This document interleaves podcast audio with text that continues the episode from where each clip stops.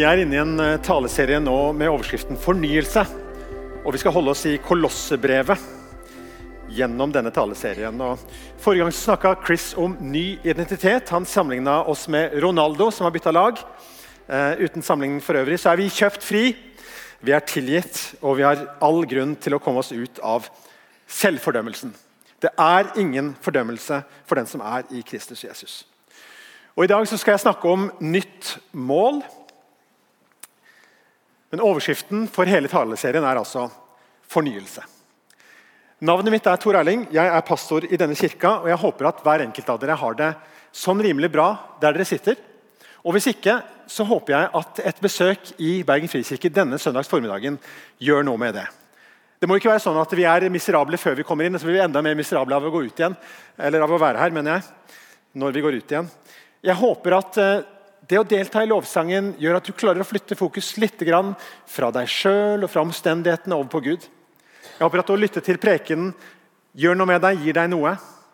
Og jeg håper at det å være en del av dette fellesskapet gjør at du, du kjenner at du kan lene deg inn mot noe som er større enn deg sjøl. At du kan eh, legge av noen byrder, enten det er i bønnekrukka, eller det er i en smalltalk i foajeen eller på kirkekaffen. Eller det er å gå til forbønn jeg håper at du kjenner at det å være en del av et fellesskap det er en mulighet for å investere i andres glede. Og Når vi investerer i andres glede, så merker vi det at vi får mer enn vi gir. I dag er tema fornyelse. Og I våre dager er jo fornyelse noe som eh, i, ofte kan kjøpes for penger. En kan eh, kjøpe seg nye klær. Det gjør jeg sjelden. Dette skulle vært et bilde av meg jeg fant dette på internett. Når Toril traff meg, så bodde jeg i en grå genser. Eh, og når vi gifta oss eh, noen år senere, så bodde jeg fortsatt i den grå genseren. Og En dag så fant jeg ikke den igjen. Da, den hadde fått store hull på albuene, og, og den, hadde, den, var egentlig moden for uh, søppelbøtta. Og der havna den. Jeg fikk litt hjelp, rett og slett, og det er jo positivt. Med en ny garderobe kan man skaffe seg et helt nytt image. Andre typer fornyelse kan jo være å pusse opp badet, eller kjøkkenet eller male gangen. Det er mye man kan gjøre for å fornye seg. Et tips som ikke koster så mye, er å kjøpe nye pynteputer til sofaen. Har jeg hørt. Eller så kan du henge opp et nytt bilde på veggen som du har laga sjøl. Du kan klippe håret, du kan eh, ta farge det, du kan ta Botox eller facelift eller andre typer lift. Det er mye som er fint og brukbart, ikke alt. Eh, men Bibelen snakker altså om en annen type fornyelse.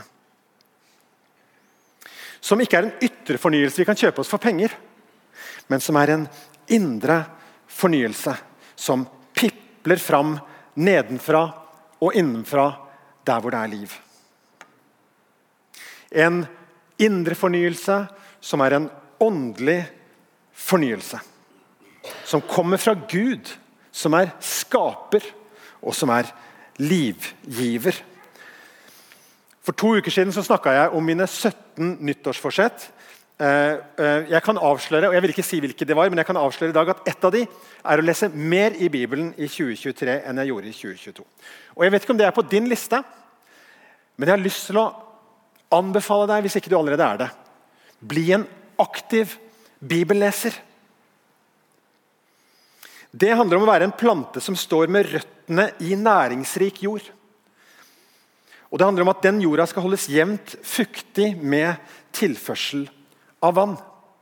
Martin Cave i Imi-kirken sa en gang når jeg ville at ungene mine skulle vokse, så ga jeg det ikke månens vekstmål, jeg ga dem mat.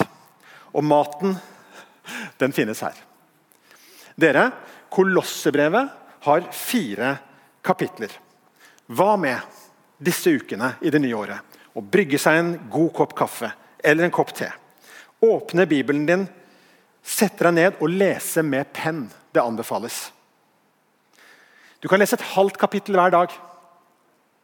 Og Hvis du ikke klarer et halvt kapittel hver dag, så les annenhver dag. Og Hvis du synes det er vanskelig å lese Bibelen alene, så få med deg en venn. Og Så kan dere avtale på SMS hva dere skal lese, og så kan dere si dette stoppa jeg for denne gangen. Så har du noen å lese Bibelen med. Trenger ikke være i samme rom engang. Og for de av dere som leser raskt, så kan du begynne på igjen på kapittel 1 når du er ferdig med kapittel 4. Du vil finne nye sannheter og nye rikdommer i Kolossebrevet hvis du leser det. Det er ikke uten grunn at vi har valgt Kolossebrevet som brev for tema fornyelse. Og så vet jeg ikke hvordan det er med deg, men jeg lengter etter en relasjon med Jesus som er fornya som er forfriska. Av og til over litt tid så blir det litt stillstand, i hvert fall i mitt liv. Det blir litt sånn tørt og det blir litt sånn livløst. og Jeg føler meg som sånn frukttre om vinteren som står der og ser dødt ut. Men så vet vi jo det at det er jo ikke dødt, det er livet, det. Noen av dere også lengter tilbake til den første kjærligheten. Jeg har lyst til å oppmuntre deg til å ikke lengte bakover i nostalgi, men til å lengte framover med håp. Vi er håpets folk, dere. Og vi har det beste igjen. Så la oss lene oss framover og la oss lene oss oppover og regne med Gud. Det var antagelig ikke Paulus som hadde starta menigheten i Kolossai. Det var en mann med det velklingende navnet Epafras. Jeg vet ikke hva foreldrene hans tenkte på når de ga han det navnet, men det kan hende han var oppkalt etter noen. Uh, uansett så, så, så, ble han hetende Epafras, denne mannen, uh, og kom en dag til Kolossai. Og Der forkynte han evangeliet. Denne lille byen 17 mil øst for Efesos. Antagelig er vi i år 62 når Paulus skriver sitt brev til denne menigheten han aldri har vært i. Fordi han vet at der er det mange nok søsken til at han kan si dere hellige i Kolossai dere troende søsken i Kristus. Hellige, ikke fordi de er spesielt fromme mer enn andre, men fordi sånn som du og meg, så er vi gjort hellige i kraft av Jesu verk på korset. Søsken, troende søsken i Kristus, ja, for de er blitt Guds barn. Akkurat som Paulus er blitt Guds barn, adoptert inn i Guds familie. Og akkurat som du og jeg er det. Som i hele verden ellers har evangeliet båret frukt og utbredt seg også hos dere, helt fra den dag dere fikk høre det og lærte Guds sanne nåde å kjenne. Oh, happy day! Når kolosserne fikk høre evangeliet første gangen. When Jesus washed my sins away. Dette står det i Kolossebrevet 2,14. Gjeldsbrevet mot oss, det slettet han ut. Det som er skrevet med lovbud. Han tok det bort fra oss da han nagla det til korset. Eller som Chris understreka forrige gang I ham er vi kjøpt fri og har fått tilgivelse for syndene. Dette budskapet, disse ordene om Jesus og hva han har gjort for oss, det er evangeliet. Og Det er som et såkorn, sier Paulus, som, som har en tendens til å spre seg og utbre seg bære frukt. Gode nyheter, evangeliet, de er ustoppelige. Og Så snakka altså Chris forrige gang om en ny identitet. Og Det er det vi får når dette, nye, dette livet starter. Han har fridd oss ut av mørkets makt og ført oss over i sin elskede sønns rike. Bibelen snakker om å bli født på ny, og at den som har kommet til tro på Jesus, er en ny skapning. Det er et liv. Og vi får en ny identitet. Vanskelig ord. Eh, vi får en ny identitet, en ny grunnleggende måte å tenke om oss sjøl på, om hvem vi er. Og I dag skal jeg snakke om nytt mål. Og Dette står det i kapittel 1 og vers 28. Det er ham vi forkynner. Og vi rettleder og underviser alle mennesker i den fulle visdom for å føre hvert menneske fram til modenhet i Kristus. For å nå dette målet arbeider og kjemper jeg i hans kraft, som virker i meg med styrke. Dette er Paulus sitt mål. Nå er det avslørt. Ikke å bli 300 medlemmer på tre år. Ikke å bli 30 000 mennesker på tre år. Nei, nei. Hans mål er alle mennesker. Og at hvert menneske føres fram til modenhet i Kristus. Vet du hva? Det er et mye større mål. Men gi det 300 år så har det gjennomsyra hele Romerriket. På en sånn måte at keiser Konstantin Han ikke bare endra det fra å være forbudt å være kristen, han gjorde det påbudt å være kristen. Så kan man jo diskutere om det var en smart idé eller ikke. Men det spredte seg altså ut, dette evangeliet. Det bar frukt. Det var ustoppelig. Og det gikk fra person til person. Paulus sitt mål er et kvantitativt mål, altså, ikke, altså et tallmål. Unnskyld. Det er ikke et kvantitativt mål, men det er et kvalitativt mål, et innholdsmål. Og det gjelder absolutt alle mennesker. Både de som er innafor kirkedørene, og de som er utenfor kirkedørene. Ha-ha, Kolossai hadde selvfølgelig ikke noen kirkedører eller vegger. Kirka i Kolossai består jo av folk, av mennesker som har kommet til tro på Jesus. Og det består menigheten i Bergen av også. Men alle er med i det målet Paulus satte seg for sitt arbeid. Og ikke bare alle mennesker, men han skal føre dem til full modenhet i Kristus. Ja, men hva er det, da? Frelse er ikke bare å komme på, til riktig adresse når vi dør. Frelse er et liv, og det begynner nå. Og det handler om en relasjon til personen Jesus. Det handler om et liv der vi vokser i modenhet. Hva er modenhet i Kristus? Og hvordan ligger egentlig kolosserne an? Hvis du leser Kolossebrevet, og det skal du gjøre nå, har du tenkt, så vil du oppdage at det er et ord som, som dukker opp, og det er ordet 'grunnkreftene i verden'. Altså, Kolosserne de hadde mange nyttårsforsett og mange ambisjoner og de hadde mange drømmer og de hadde mange visjoner for hva et modent kristent liv var. Men problemet var at de søkte altså menneskelige overleveringer, menneskers bud og lærdommer disse menneskene som Paulus aldri har møtt, Det er en grunn til at han skriver til dem. Det har sneket seg inn en sånn vranglære. Det har sneket seg inn noe som på en måte erstatter Kristus. En alternativ sannhet, om du vil. En menneskeskapt religion. Problemet er at det menneskeskapte Hvis du kobler deg på noe annet enn Jesus, så kan du ikke forvente å få liv. Hvis du kobler deg på noe annet enn Jesus, kan du ikke forvente deg å få modenhet. La ikke dem som vil drive med selvfornektelse og engledyrkelse, røve seierskransen fra dere, sier Paulus. De går helt opp i sine syner og skryter uten grunn av, sin rent, av sine rent menneskelige tanker og holder ikke fast på ham som er hodet. Du og jeg oppnår ikke åndelig modenhet ved religiøst strev. Vi oppnår ikke åndelig modenhet av å ta oss sammen av å stirre på et vekstmål eller av å ta anabole steroider. Derfor er Paulus gjennom hele Kolossebrevet kolossalt opptatt av å snakke mye om Jesus. Jeg telte over det. Bare i kapittel 1 så fant jeg Jesus nevnt 27 ganger. Slik vokser du i modenhet når du har blikket ditt festa på Han. Når du ser bort fra omstendighetene der ute, følelsene her inne, og fester blikket på Jesus.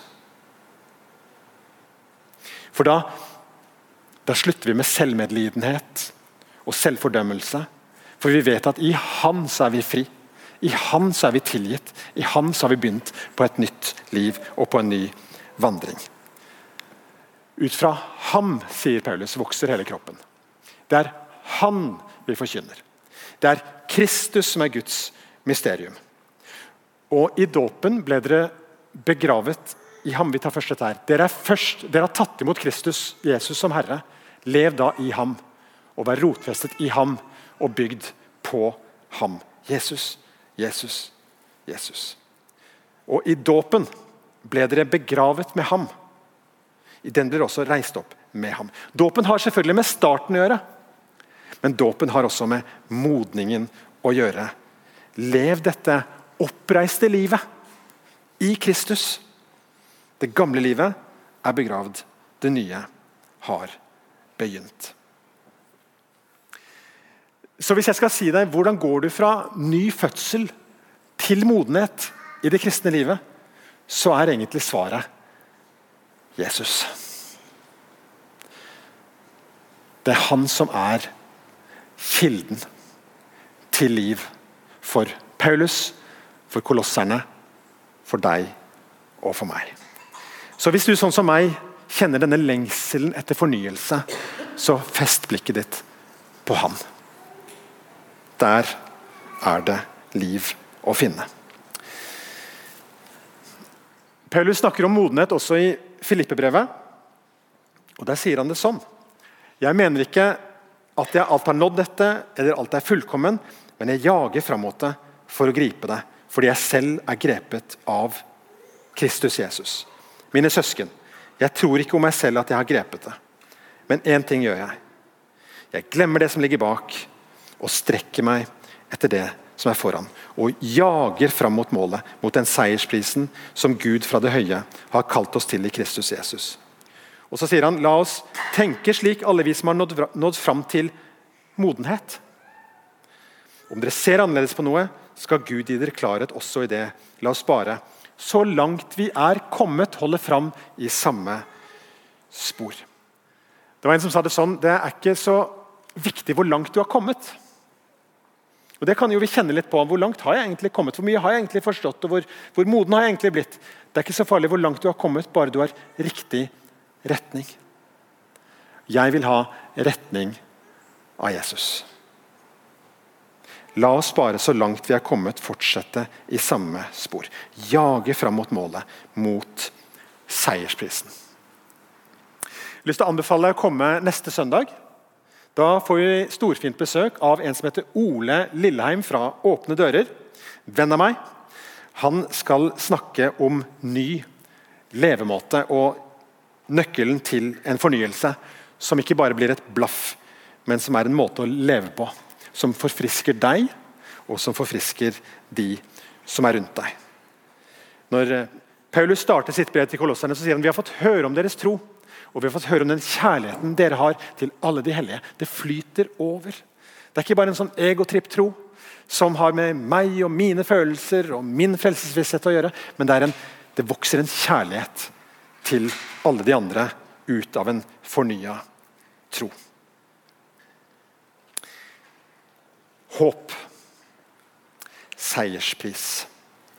I sitt aller siste brev så sier Paulus jeg har stridd den gode strid, fullført løpet og bevart troen. Nå ligger seierskansen klar for meg. Så Når jeg snakker om nytt mål, så kan vi godt snakke om misjonsstrategi på Paulus' tid. Om at målet for han var at alle mennesker skulle nå fram til modenhet i Kristus. Men når vi snakker om mål, så må vi også snakke om seiersprisen. Den er ferdig for deg.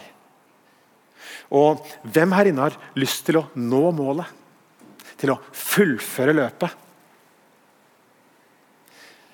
Det er ikke så veldig viktig om du snubla over startstreken. Det er ikke så veldig viktig om løpet ditt var vaklende.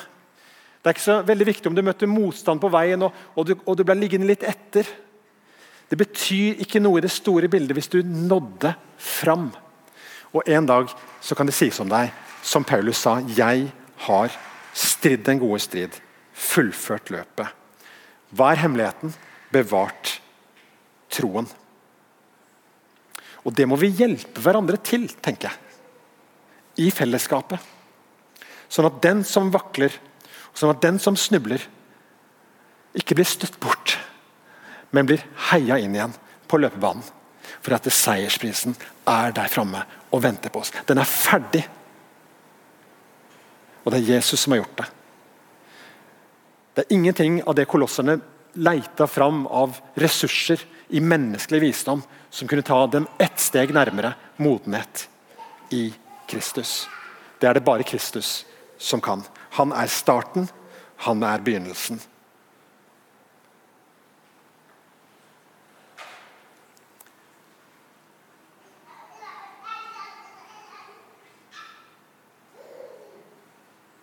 La oss be. Herre, vi eh, kommer til deg, du som er troens opphavsmann og fullender. Og så ber vi om at du skal forfriske oss.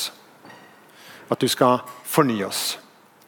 At du skal eh, åpne øynene våre for det vi allerede har. At du skal hjelpe hverandre til å se rundt oss og til å feste blikket på deg. Se rundt oss på de andre. Om noen skulle bli liggende etter, om noen skulle streve, om noen skulle ha snubla. Og så bare løfter vi hverandre opp og så sier vi vi skal dit.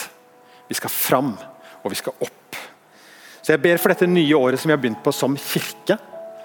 Jeg ber for byen vi bor i. Og jeg ber om at vi skal få lov til å være ikke bare en eh, fornya menighet som eh, skinner i vår egen stolthet, men at vi skal være en menighet som er et lys for de som trenger et lysglimt i sin hverdag akkurat nå. Så lys opp inni oss, og lys opp når vi møter hverandre. Og la oss få lyse for de andre. I ditt navn. Amen.